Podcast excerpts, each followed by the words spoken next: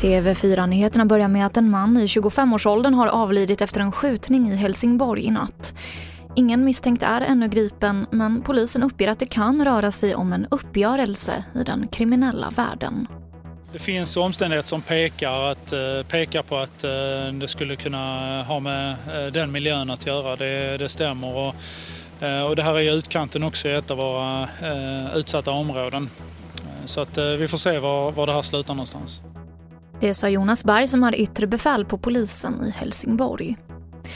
Så till Haiti där dödssiffran fortsätter att stiga efter gårdagens kraftiga jordskalv. Minst 304 personer uppges ha omkommit och fler än 1800 har skadats. Enligt USAs geologiska institut så befarar man att antalet dödsfall kommer att bli ännu högre och räknas i tusental. Och mer om det här på tv4.se. Och till sist kan vi berätta att bland de som smittats av covid-19 för ett år sedan så har 80% kvar antikroppar mot viruset efter ett år. Detta visar en svensk studie.